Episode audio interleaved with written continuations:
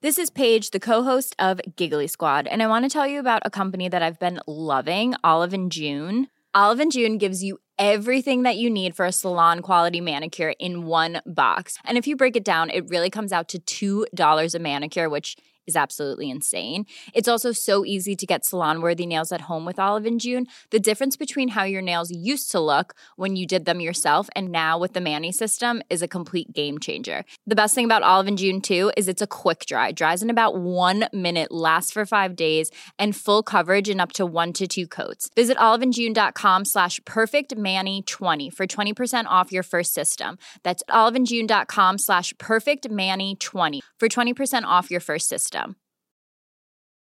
There's never been a faster or easier way to start your weight loss journey than with PlushCare. PlushCare accepts most insurance plans and gives you online access to board-certified physicians who can prescribe FDA-approved weight loss medications like Wigovi and Zepbound for those who qualify. Take charge of your health and speak with a board-certified physician about a weight loss plan that's right for you. Get started today at plushcare.com slash weight loss. That's plushcare.com slash weight loss. plushcare.com slash weight loss.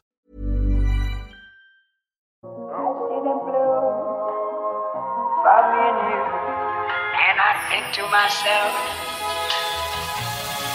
what a wonderful world. Ja, det er ny, ny uke eh, og ny Mesternes mester spesial, eh, Øystein. Det har jo blitt en, blitt en slags tradisjon at vi er heldige å få med oss vennene dine eh, i Mesternes sesong 13, som stiller opp. Men, men først så må vi bare si at vi, det er jo stas å se at konkurransen vi har, med 100% der vi har oppfordra folk til å dokumentere folk som gjør ting 100% i sosiale medias. Eh, tagge oss at Bare det gode dager og Roxy Sport, altså ROXEE Sport, på Instagram. eh, Og legge ut en film, en liten snutt, av noen som gjør noe 100 Eh, Så kan man da vinne et par med briller. Vi er vel to vi trekker i uka, er det ikke det nå? to i uka, og det er veldig hyggelig at én, at folk deltar, to, folk respekterer reglene om og at alt er lov, bortsett fra å selge indre organer. Og det er sånn, det jeg syns det er deilig. Jeg synes det er deilig at folk er så gira at de bare liksom Ja, men det er greit, uh, et par uh, raske briller fra 100% ja, men det kan jeg, det kan jeg være med på. Så det, det er gøy. vært er bare- gøy. Jeg må innrømme at jeg hadde syntes det var gøy om det var noen som la ut at de faktisk selger organene sine. Det hadde vært gøy. Det er god humor, men vi oppfordrer ikke til det. Så ikke, ikke ta dette som en oppfordring, men det hadde vært gøy. Men det, okay. det, for det er jo liksom fort at da må det til OL-troppen, tenker jeg da. Det er, liksom, det, er, det er fort der det er sånne markeder hvor folk kjøper noe. Der er du en tur i Beijing, så tror jeg det er mulighet for å kjøpe seg god nyre. Men um, vi kan ikke snakke Beijing er en annen serie. God nyre! Altså, er, det, er det noe sted jeg ikke vil kjøpe meg god nyre, så er det faktisk i Beijing. På jeg markedet i Wuhan. Nei, der har vi ikke kjøpt noe Pearl Market, Silk Market. Der har vi ikke kjøpt noen ting. Ok, Men vi må til vår Mesternes mest spesial, fordi vi har ei rå dame på besøk i dag. Hun er flott på alle måter. Eh, Jeg har jo, kjenner jo ikke så godt som deg, men eh, det er en ære og glede å ha besøk av deg, Nadia. Nadia Kamitskaja, er det riktig uttale? Kamitskaja. Det var nesten perfekt. yes, det var, Med Ja, H bare på perfekt. slutten. Ja, men det var nesten. Det var nesten perfekt. Med H. Kamit, det var sånn, den, den, Hamitskaja. Kamitskaja. Hamitskaja. Andersen òg, da. Andersen. Ja, ja, Andersen. Andersen, Den, den, den tenkte jeg, den klarer jeg. Den, Den, den, den har du. Ja, det er veldig gøy å ha. Altså, Nadia var jo eh, jeg, må jo jeg, jeg lot meg jo fascinere av deg fra, fra første, første stund, da, Nadia, når, eh, når vi kom dit. Jeg kjente deg jo ikke som utøver. Jeg har sett deg eh, mye på TV. Vi følger med som alle andre på, på Skal vi danse, ikke sant?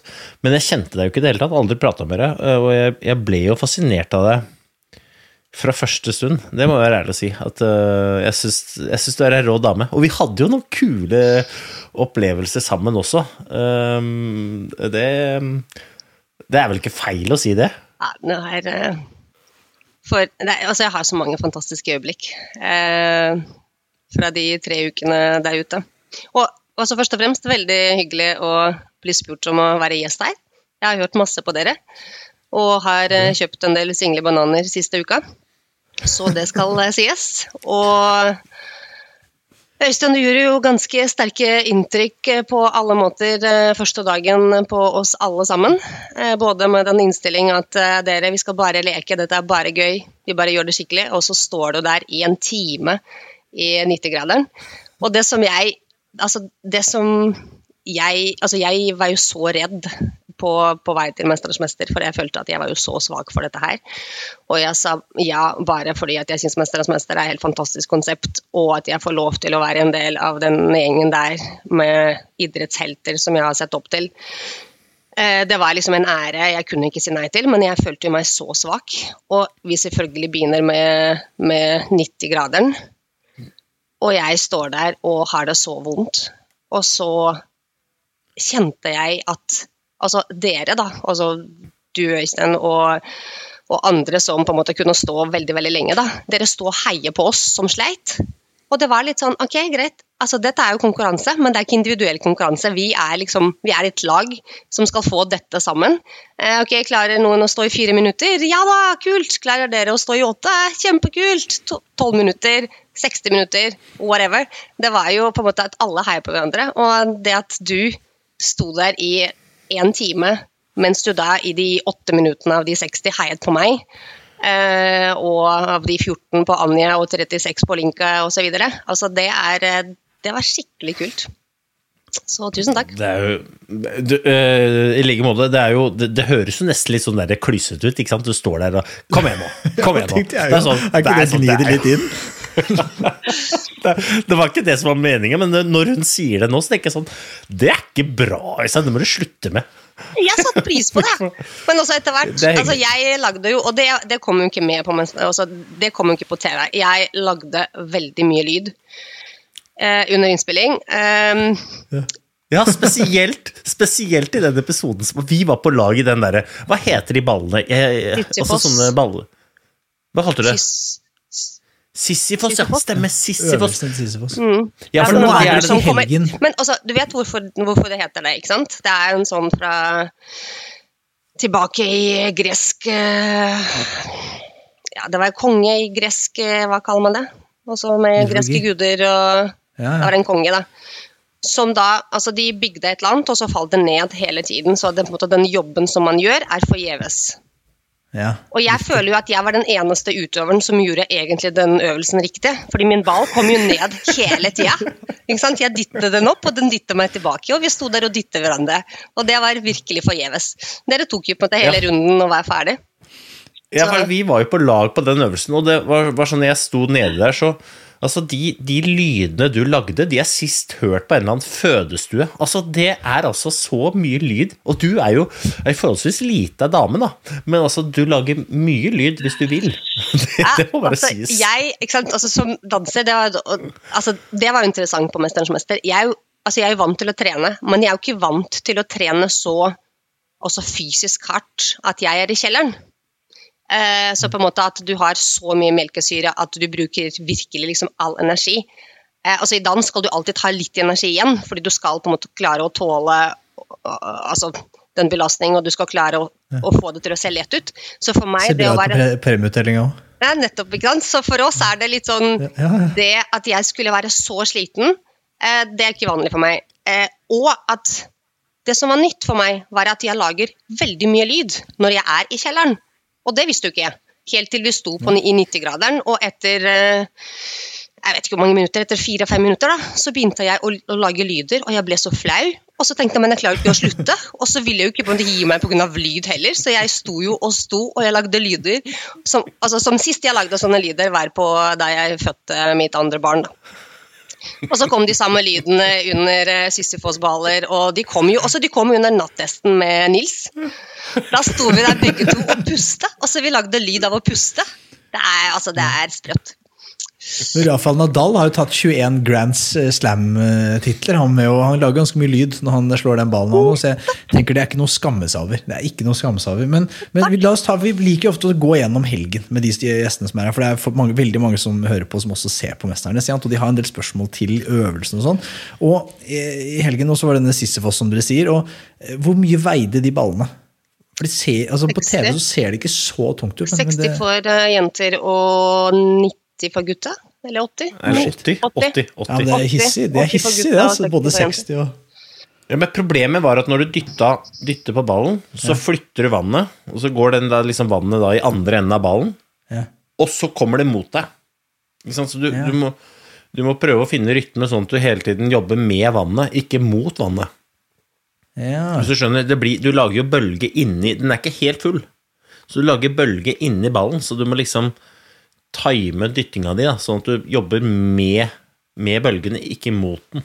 Men det burde ikke vært noen relativ vekt. For jeg tenker sånn, det er jo det blir jo feige lag her. Altså, jeg vet ikke hvor mye Nils Jakob veier, men jeg tror det er godt over 80 kilo. Men eh, han, eh, Bjørn Einar Romøren eksempel, kan da ikke veie så mye mer enn 80 kilo. Men han var helt rå, da. Altså, jeg, altså, jeg tenkte at ok, 80 kilo for Bjørn Einer, det blir tungt. eh, På samme måte som 60 kilo for meg blir tungt. Og så på andre Og det er også sånn litt det som jeg kanskje elsket mest på 'Mesternes mester', det er at idet jeg da sleit der på min andre runde og lagde alle de lydene, så så jeg Anja og Bjørn Einer gå forbi meg, og jeg vet da, jeg forstår at ok, nå er det faktisk De har tatt meg med en runde. Og jeg blir litt sånn Å, herlighet, så rå dere er! Og jeg sto der liksom og sleit selv og heia på at de var så gode. Så jeg var litt sånn Come on! Og så bare jeg sånn, ah, ah, eh, jeg var jo litt i veien for dem, da. Og så ble det sånn Ok, skal jeg flytte? Nei, jeg har ikke krefter til å flytte, så unnskyld. liksom, Dere må bare finne deres vei rundt meg. Så, men det er på en måte, og det er jo ganske Altså det perspektivet av at ok, jeg gjør mitt beste, og så har på en måte man rom til å heie på de ved siden av. Eh, Det syns jeg var skikkelig fint å kjenne på. Ja. Så han var helt rå, da. Det er inntrykket, inntrykket vi får av deg, vi som oss eh, fotfolk som bare ser det på TV òg, at du er veldig, at du har mye- raus. da, En raus dame. Så det, det har i hvert fall kommet gjennom. Og så var det denne situpsøvelsen der det var noen gnagsår i stumpen på alle og det er, dere, dere var jo ikke flaue, dere to. Dere var jo kanskje de minst flaue på der inne. Fordi altså- du snakker jo ganske fritt av det her om denne gnagsåret, og så kommer tenker jeg sånn, ok, nå begynner du å pushe grensene, og da kommer Øystein fram og bare viser rumpa. Grenser? Bare kjør NRK, sier du. Beste sendetid. Her kommer det. Nei, Ja, det- det var Ja, eh, nei, Øystein.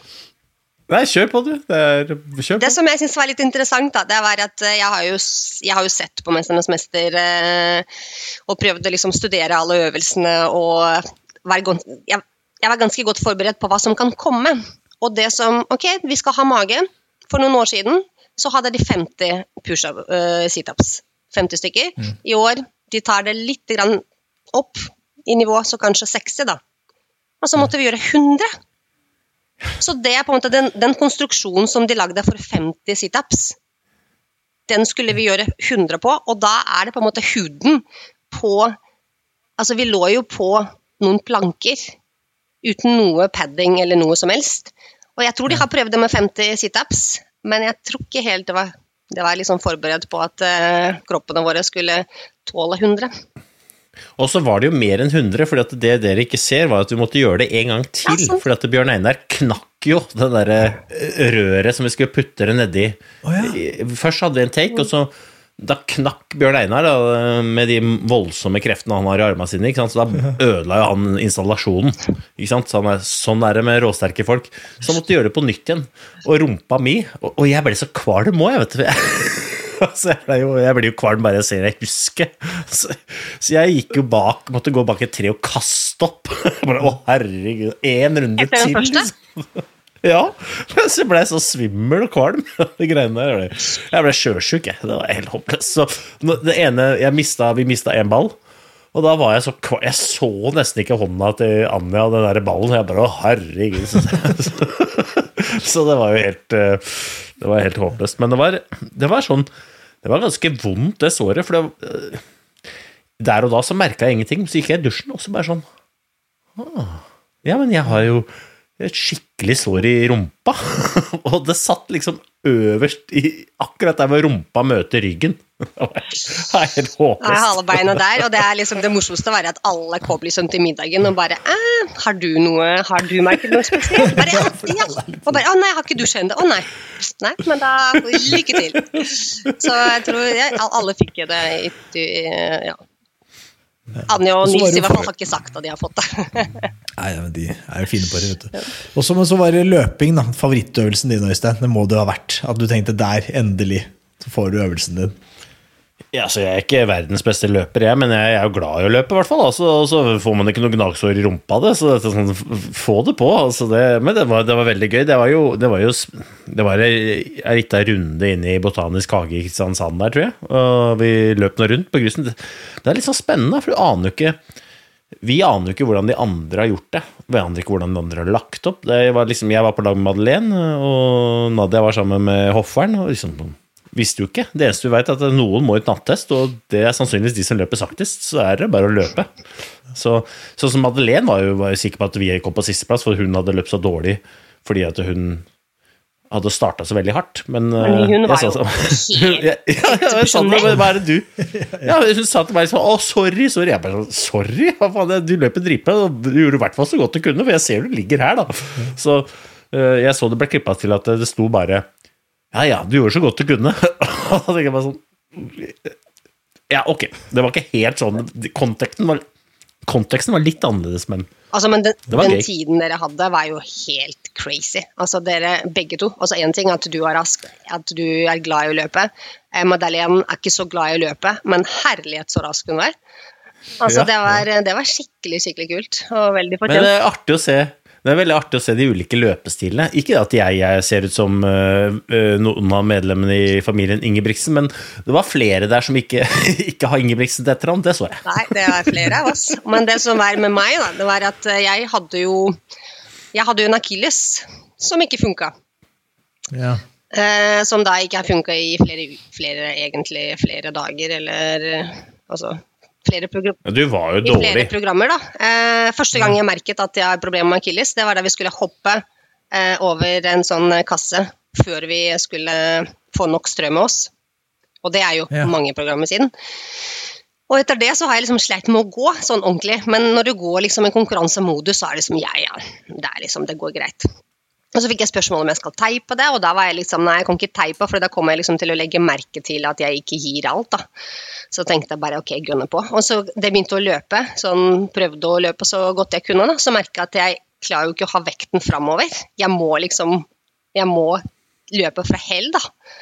Og da er det liksom ikke sant, Så da blir man liksom ja, nei, jeg kjempa godt med meg sjøl. Og så var jeg veldig glad for at vi Hofferen løper jo to, to runder, og jeg én. Og vi tenkte at ok, både med denne akillesen det kan gå gærent, og at jeg uansett så er han jo raskere enn meg. Så, så vi eh, gjorde så godt vi kunne. Og altså, vi, vi løper i Botanisk hage, det er jo rett ved der hvor nattesten er. Så sånn sett så var jeg veldig klar for at ok, jeg skal løpe rett inn i nattesten. Så eh, var jeg eh, veldig Altså, det å velge hvem jeg skal løpe inn eh, det at det skulle være Nils og meg som løper inn i nattest rett fra løpinga, det var jeg ikke helt klar for. Det var litt praktisk, da. Det var Ja, det- veldig, sånn, det- veldig det er praktisk tenkt. Men ja. Men det Ja, for det var, så var det nattesten, da, og, som er, er alltid veldig spennende. Hva, hva er dine tanker om, eh, rundt nattesten, Nadia? Er liksom, hvordan var det å være i det, og hvordan var det å se på de andre før, før du skulle oppleve det selv? eh, det med nattest for meg var noe av det gøyeste jeg har gjort på Mesternes mester. Altså, det å stå og se på nattest er dødsskummelt. At jeg var jo og så på to nattester, og så fikk jeg lov til å være med. Og jeg syns det var så gøy å liksom prøve den rare leken å stå og se på lys og ta imot lysrør. Eh, og det er, altså, det er veldig gøy, men så samtidig så vet du at det kan bety at det er siste sekundene av ditt eh, mesternes mester eh, Hva skal jeg si Ditt eventyr. Så det er på en måte, det er veldig masse følelser, og det føles veldig viktig, men samtidig så er det bare lek. Og jeg digga den følelsen. Jeg syns det var skikkelig kult. Ehm, og det å gå dit med Ida den første nattesten, eh, det syns jeg var eh, Altså, vi kom fra individuelle øvelser, begge to. Altså, jeg lå nederst, hun lå nest nederst. Og vi gikk dit og lekte, og marginene var på min side. Eh, så jeg opplevde det som en fin en fin nattest. Og jeg er helt sikker på at jeg ville opplevd det som en fin nattest både hvis jeg hadde vunnet eller hadde tapt. Um, Ja. Men det med Nils Det som var problemet mitt da, var at vi kom Altså, det var Lagon-dag, og da var det liksom Jeg var jo bestemt på at jeg skal velge den som, er, som ligger nest nederst, og det ble Nils. Um, og så merker jeg at uavhengig om hvem det altså om Hvis jeg skulle velge Øystein eller Bjørn Einer eller Anja eller Madeleine, så hadde jeg så, sto, så stor liksom, tanke på at de er så mye sterkere enn meg. Altså, de har, på en måte, jeg har ligget noe nederst eh, i mange øvelser, og følte veldig sånn fortjent at det er min tur å gå. Jeg har ikke lyst til å gå, men jeg føler liksom at ingen andre fortjener å miste sin plass, liksom. Um, så jeg syns det var ekstremt vanskelig emosjonelt. Jeg hadde veldig lyst til å til å Altså, jeg hadde ikke lyst til å gi meg, men jeg hadde lyst til å gi plass til alle andre. Um, så Nei, det var, det var veldig vanskelig å ta den uh, Altså, det var ikke noe valg å ta, jeg visste jo at det blir Nils, men det var vanskelig å faktisk komme dit at jeg måtte uh, ta han. Nå må ikke du må ikke du skape noe dårlig stemning her nå, Ok. men jeg har gått over til espresso, jeg. Jeg, Espresso, jeg, jeg, altså, jeg er ganske fin på kaffen. Jeg er ganske fin på kaffen, Og Coop har faktisk en drita god espressobønnekaffe. Altså, eh, den Nå har ikke du sånn maskin som meg, men altså den, den, Jeg slår et slag for den. Altså, Kenya den er god, men jeg, nå er jeg over på espressosen. Ikke sant? Jeg trenger litt sterkere saker. Nå har jeg fått homikron i systemet, og nå trenger jeg å få sparka ut igjen. Espressoen til Coop. Ha, på det Ja, det, det kommer til å bli fælt på de samtalene framover. Det merker jeg med en eneste gang. på. Jeg har ikke tenkt på det. Men det som er litt sånn gøy med deg, i hvert fall, hvert fall sånn jeg analyserer det er ikke, Du må skyte meg i knehalsen hvis det er feil, da, men um, sånn som jeg lærte deg å kjenne der inne, så er du jo en sånn jeg vet ikke om det blir feil å kalle det for utøver, da, men du er en, eh, ei dame som er ganske dedikert og ganske bevisst og fokusert når du først går inn. Altså din integritet på å gjøre ting skikkelig. Eh, Den er jo øh, til stede hver eneste gang, slik jeg opplevde det. Uavhengig om du var god i øvelsen eller ikke. Altså, du var like dedikert på Sisyfos som du var på reaksjon. Eller, altså, du var jo på en måte Du gjorde jo alltid ting skikkelig.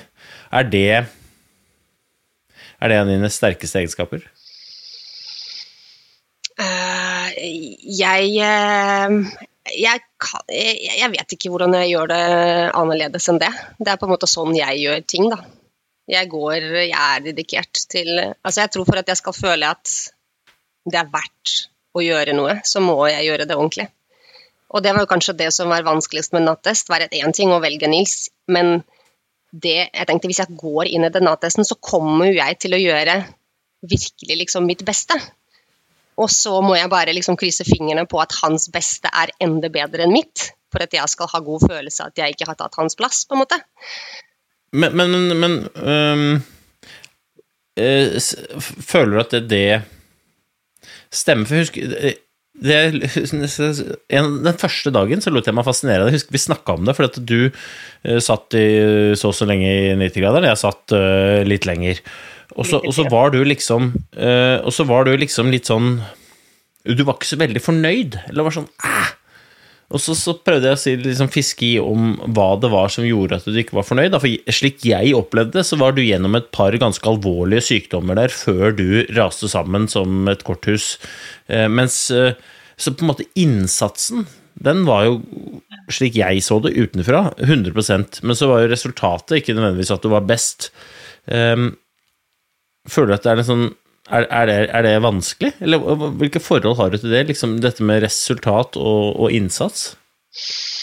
Mm, resultat Altså, jeg har veldig høye forventninger når det gjelder innsats. Eh, og det er at jeg vil gi 100% og det er på en måte er min måte å gjøre ting på, og det er sånn jeg føler jeg fungerer best. Eh, resultat er Altså, resultat i forhold til andre har ikke jeg så veldig mye problemer med, egentlig. Men det er min egen prestasjon og analysen Altså, jeg er veldig analytisk, på godt og vondt. Og så jeg analyserer ting på forhånd, på hvordan jeg kan løse det. Og så idet min prestasjon er ferdig, så begynner jeg å analysere alt jeg har gjort. Og da er liksom uavhengig av resultat, om jeg da er sist eller i midten eller først, så analyserer jeg på en måte alltid alt jeg har gjort. Eh, både hva som har gått bra og hva som har gått dårlig. Og på 'Mesternes mester' så har det vært veldig sånn etter 90-graderen, eller f.eks. jerngrep, da, da jeg av en eller annen merkelig grunn har bøyd beinet mens jeg hang der. Og idet jeg strakk beinet, så glapp henne. Og da var jeg litt sånn Hvorfor i helsike bøyde jeg bein? Så liksom og sånne analytiske prosesser, de har jo De går. Det Ko- ko- Kommer det fra, fra dansinga, tror du? Altså at du har en, en, en konkurranseform som til detalj planlegges? Eller nå snakker jeg uten å egentlig vite, men jeg antar jo at eh, det du skal gjøre i en konkurransesituasjon, er detaljplanlagt og detalj- og gjennomanalysert, mens da f.eks. jeg, da, som kommer fra langrenn, jeg, er jo, jeg vet jo akkurat hva det er jeg skal gjøre, samtidig som jeg må reagere veldig mye på hva alle andre gjør i tillegg. Ja, det, jeg har ikke tenkt på det på den måten, men eh, jeg tror kanskje Jeg, jeg tror du har rett. For det som, er, det som er vanskelig med dans, er at i hvert fall um, sportsdans, eller pardans, som jeg har drevet med, er at det er veldig subjektivt. Vi har ikke noe tid å forholde oss til. ikke sant? Vi har ikke noe meter eller kilo å sammenligne oss med. Du har løftet så mye, jeg har løftet så mye. Vi danser, og så er det dommere som bestemmer. Ehm, så kan hende den analytiske prosessen om hvordan du kan gjøre best inntrykk eh, på dommerne, både teknisk og performance, eh, altså mu- musikalsk koreografi osv. Og så analysen av hvordan det har vært. Eh, Det har vært en veldig viktig del av mitt, eh, mitt liv. Og det er, så for meg er det sånn Jeg husker fra jeg var liten, så kunne jeg stått på kjøkkenet og hørt på Jeg hadde noen sånne spesielle sanger som har på en måte gitt meg eh, rom for, eh, for tankene. Eh, Jeg kunne stå en hel dag på kjøkkenet alene. Alle mandager så sto jeg og analyserte konkurransen. Og der var det uavhengig om vi har vunnet eller om, om resultatet var bra eller ikke. Men hva kom først? For det virker som her er liksom kjernen er fokus på detaljer. da. Så det virker som du er en ganske sånn detaljfokusert dame, sikkert i alle andre aspekter av livet òg. At du er en person som kanskje noen kan føle at er veldig, er veldig på detaljer. Men er dette For det du sa noe interessant, Øystein. Er det, er det av dansinga, eller er det liksom at dansing var et naturlig valg fordi du var sånn som liten? At det er på en måte noe du er eh, biologisk disponert for, å være veldig detaljfokusert. Og det har gjort deg til en god danser. Ja, det er, en, det er også en uh, interessant tanke. Uh, jeg Det kan hende at, uh, at jeg ble i dansing eh, og utviklet meg i den, eh, i den idretten. Kanskje det er fordi at jeg er sånn. At kanskje det, den analytiske biten og det å være detaljorientert og det å være kreativ og det å være løsningsorientert passet der. Um, kanskje. Fordi at jeg er litt sånn detaljorientert og analytisk egentlig i alle aspekter av mitt liv.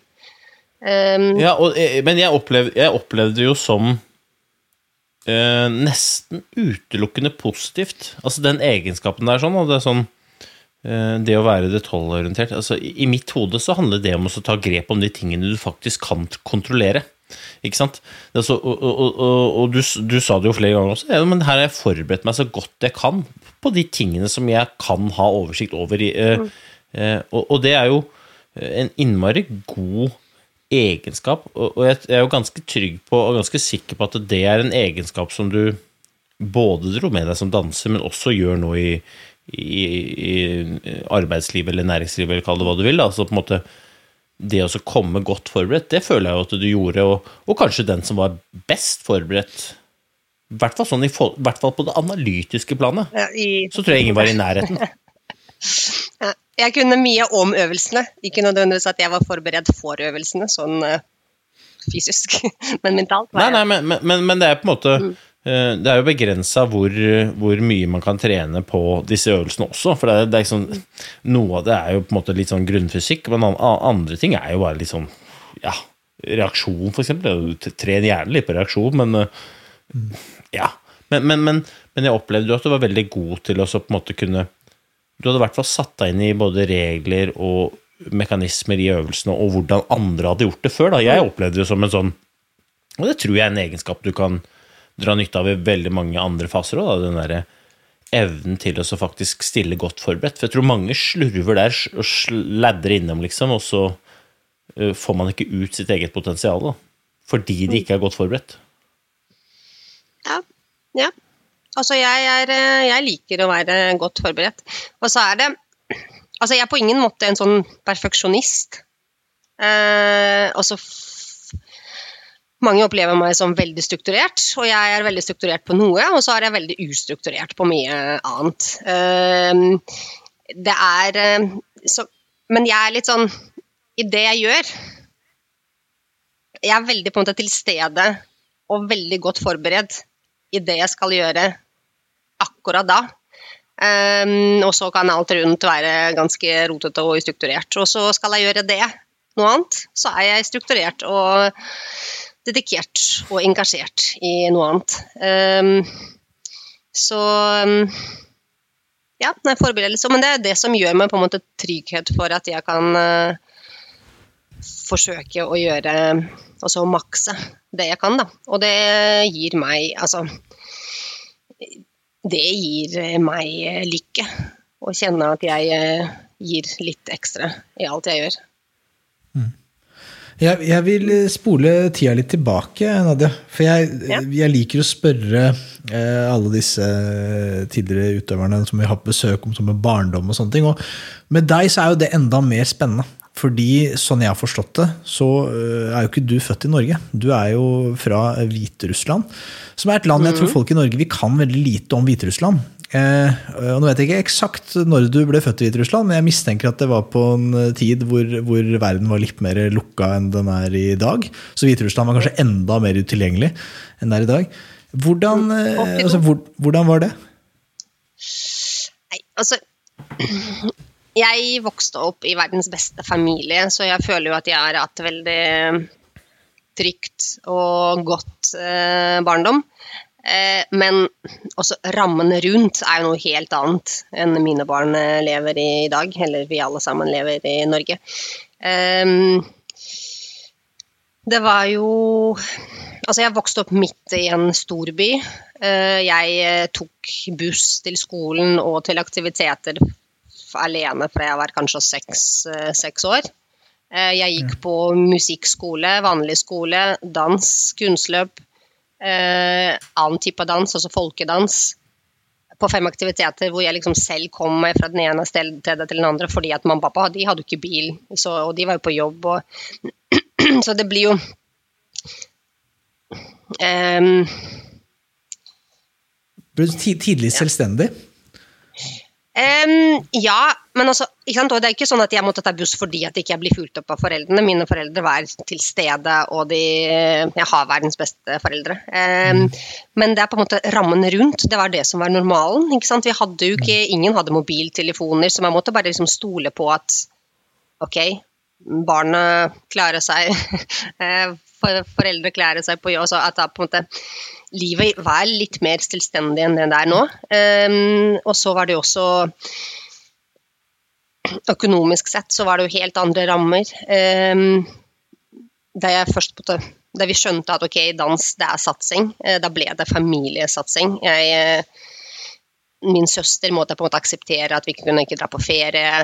Vi kunne ikke kjøpe oss eh, kanskje noen dyre ting, fordi at alle pengene vi hadde, alle pengene gikk på dans utenom hva skal jeg si, mat og strøm. Så, så det var jo, og det, det legger jo også litt sånn ansvar på meg som barn, at ok, dette skal gjøres gjøre skikkelig. Um, jeg kunne ikke bare si ja, kan jeg slutte nå, eller nei, det gidder jeg ikke, jeg, jeg har lyst til å ha frihelg, liksom. Så man får jo litt annet ansvar. Men jeg ville jo, jeg elsket jo å danse. Så det at, at hele familien min aksepterte at ok, pengene i denne familien her, de går på at eh, hvis du har lyst, så kan, så kan du prøve å bli god. Eh, men da må du på en måte, da må du gjøre jobben. Og det, det gjorde jeg, da.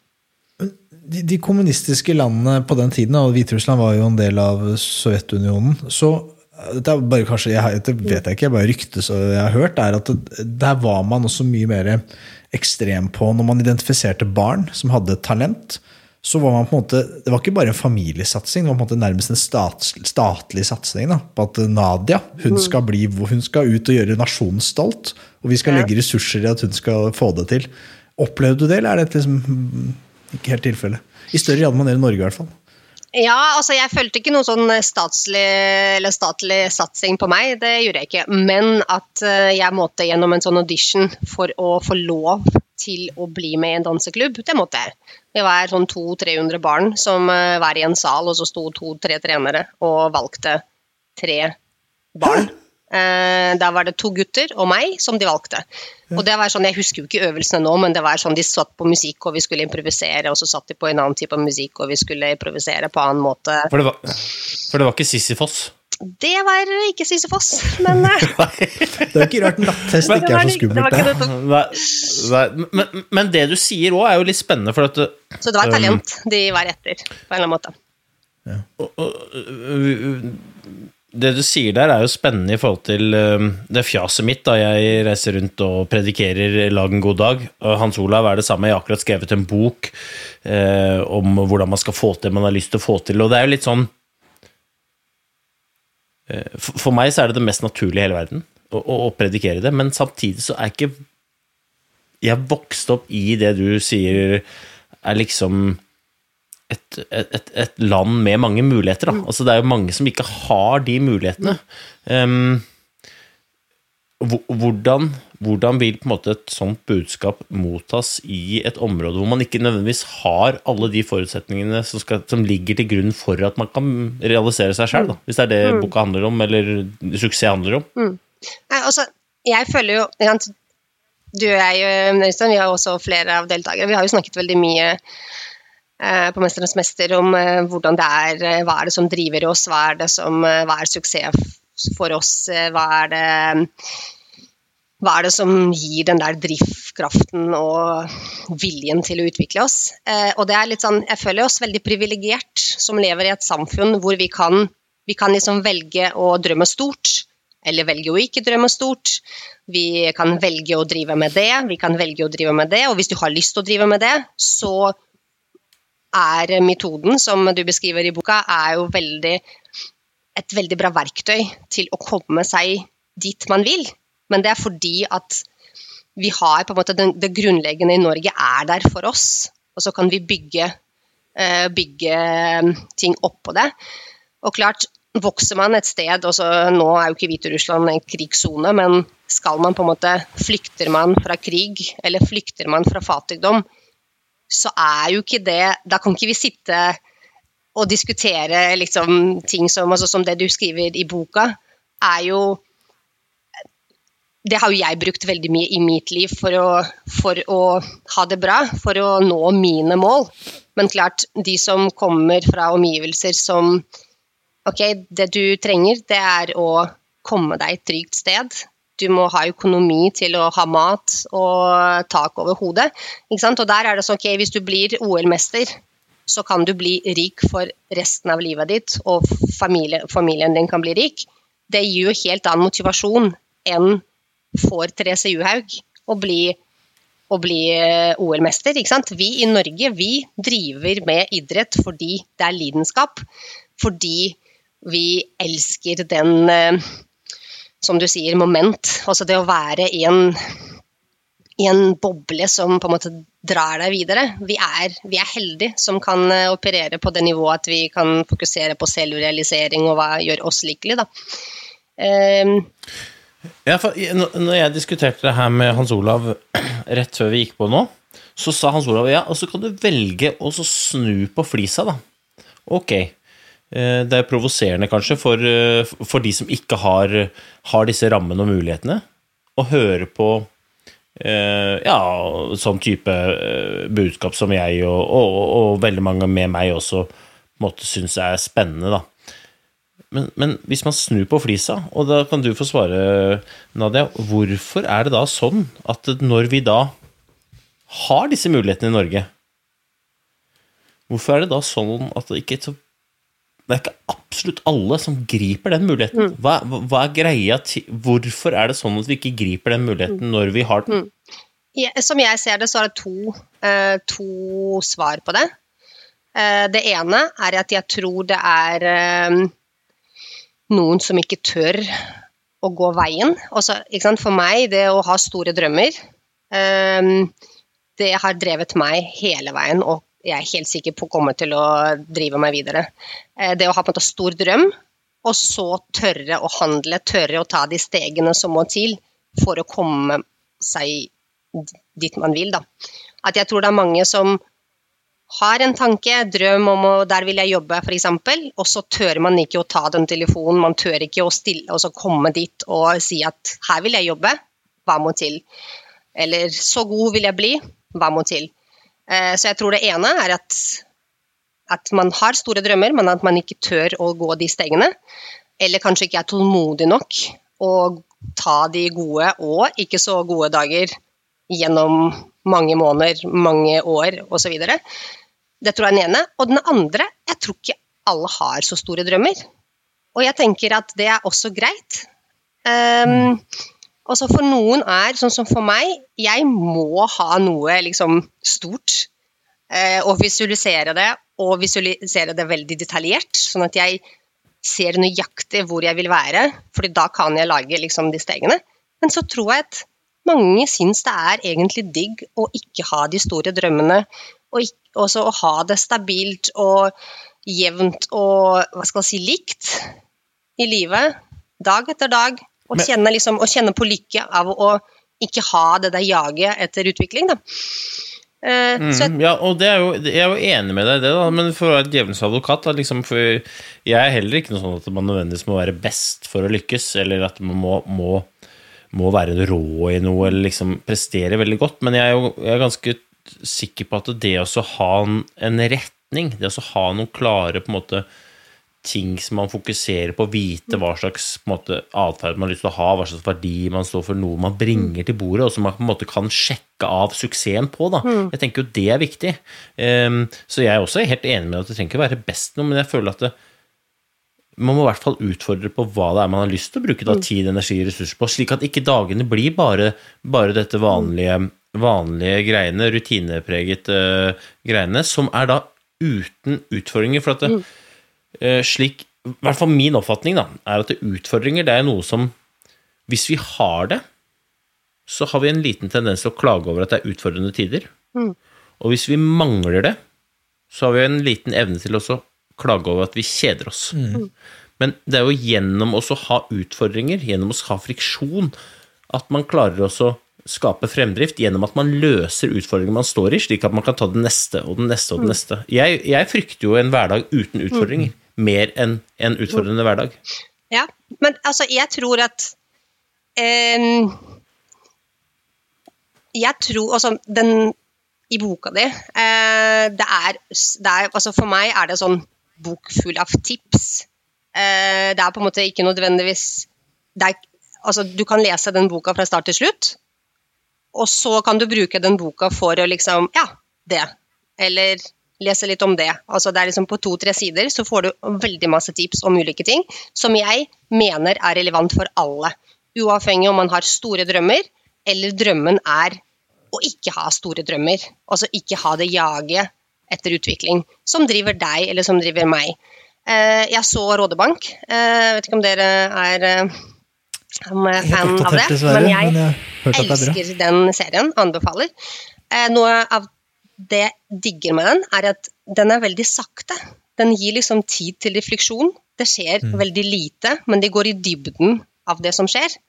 Så det gir på en måte tid til refleksjon, til, til refleksjon. Og den siste sesongen den handler om ei jente som da får på en måte plutselig muligheter. Altså hun er veldig stort talent. Får 200 000 følgere. Får muligheter til å reise i USA og bli liksom skikkelig stjerne på det hun driver med. Og så skjønner hun at Nei, men dette er jo ikke drømmen min. Drømmen min er å råne med kompisene mine til Sverige og bo på et lite sted og være lykkelig. Jeg har ikke lyst til å være hun talentfulle som kan bli verdensstjerne. Ikke sant? Og så er det en annen som er sånn Du kødder, dette er jo drøm for alle. Og da ble jeg litt sånn Det er nettopp det. Det er ikke drøm for alle. Altså, det er ikke drøm for alle å hva skal si, vinne skal vi danse, eller uh, vinne OL, eller å kjenne på utvikling hver eneste dag, sånn som for deg og meg, Øystein, og for deg, Hans Olav. Altså, det er jo Vi digger jo, ikke sant, vi digger jo at Ok, hva er den boblen nå? Hva er den boblen? Eh? Man føler at man utvikler seg, man føler at man ikke på en måte er i en hamsterhjul. Men så på en måte i Rådebank så ble jeg litt sånn Altså Hamsterhjul er kanskje ingen sin drøm uansett, men det å være i, å være i en rutine som er helt trygg og går, og hele livet er bare stabilt, og man har på en måte samme venner, samme Jeg tror at det er også lykke for veldig mange. Så, oi, Jeg, jeg, sy jeg syns jo du sa det dritfint, eh, Nadia, for du sa jo nå at suksess kan være å leve et liv uten å jage. Og, og det er egentlig ganske sånn Det er litt ålreit, da, for da um, Det er veldig lett at man hører sånn derre budskap som vi prater om nå, som et sånn evig jag etter noe hele tiden, mer og mer og mer. Uh, uh, og det er ikke det, i hvert fall jeg Jeg kjenner ikke på det selv, og jeg tror ikke dere kjenner på det heller. Jeg, jeg føler meg jo trygg i, trygg liksom i, i, i verdiene, i, i grunnmuren, liksom, i det der grunnlaget.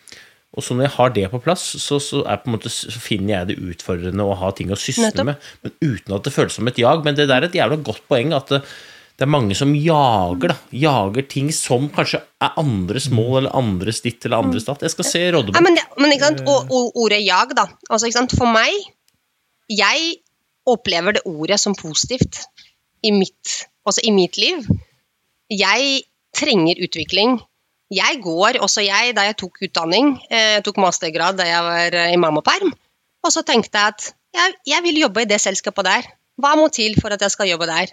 Og da begynte jeg å jage etter kunnskap, og jage, altså på en måte jage utviklingen som måtte til for å få den jobben. Jeg gikk dit og sa her vil jeg jobbe, hva må til? Jeg kommer tilbake om et år når jeg er ferdig med masteren. Ok, jeg kom tilbake og fikk jobben. Og sånn på en måte driver jeg på, og det elsker jeg. Også jeg elsker å analysere hva må til for å komme dit, og så, hva skal jeg si, jager jeg. Um, men hvis det er jag fordi at det er det andre sier at dette er suksess, det er suksess å jobbe i det selskapet der, det er suksess å bli eh, mester i et eller annet. Det er suksess å ha 500 000 på Instagram.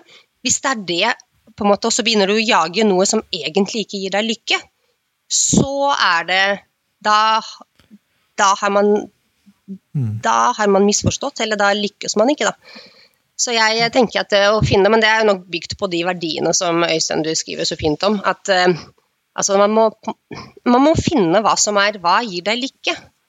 Er det, er det den veien eh, å gå, eller er det, er det noe annet? Det er spennende. Jeg har bare holder kjeft. Jeg vil si så mye kloke ting her. Og jeg er helt enig med deg i det med destruktivt jag versus positivt jag. Jeg også kaller det jag, og jeg mener det positivt når jeg jager. Stort sett, da. Det hender at det er noe destruktivt som sniker seg innimellom, men stort sett er det heldigvis positivt. Og det klokeste jeg mener du sa som ikke fikk nok oppmerksomheten av det, det var det du sa om tålmodighet.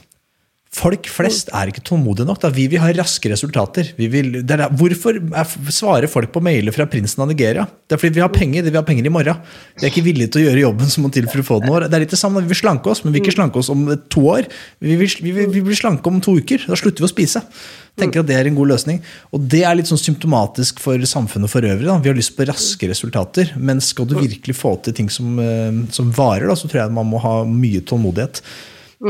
Så det, det er klokt. Og det står det kanskje for lite om i boka di, Øystein. Det får bli andre, får bli andre opplaget. si. Nei, det står litt om tålmodighet. ja. Så det er, ja, det Ja, står og så står det jo at eh, Og så står det at metoden er en Det er riktig. Det er riktig. Så det at, eh, det at dagen i dag har vært god, betyr ikke at morgendagen automatisk blir god. Det betyr bare at du har gode forutsetninger for å forsterke det du har gjort i dag, som gjør at dagen var så god, og så kan du dundre videre. Men uten jag, for jeg, jeg syns jo jag er I mitt vokabular er så jag negativt. Men jeg tror vi kjenner på de samme mekanismene, i hvert fall alle tre i dette lille lille podkaststudio her, da. Det er ganske, ganske I hvert fall sånn som jeg lærte deg å kjenne. Og jeg ehm, Du skal vite denne, at du fascinerte meg mye uh, der nede. Jeg synes, synes det var Og det, var så, det som jeg syntes var så spennende, var at du var egentlig du var egentlig veldig lik meg, men samtidig veldig ulik. Altså, vi hadde veldig sånn ulik tilnærming til det.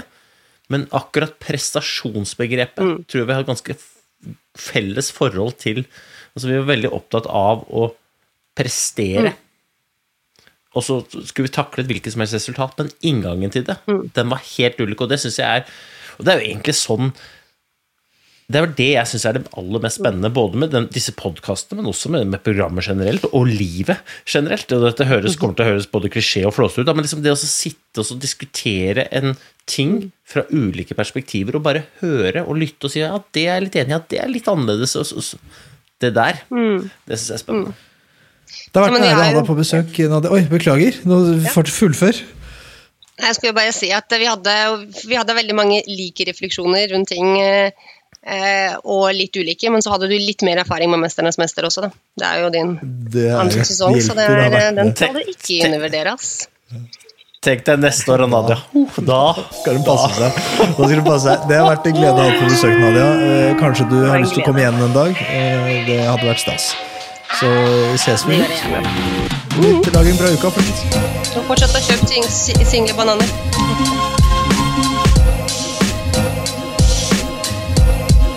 What a wonderful world.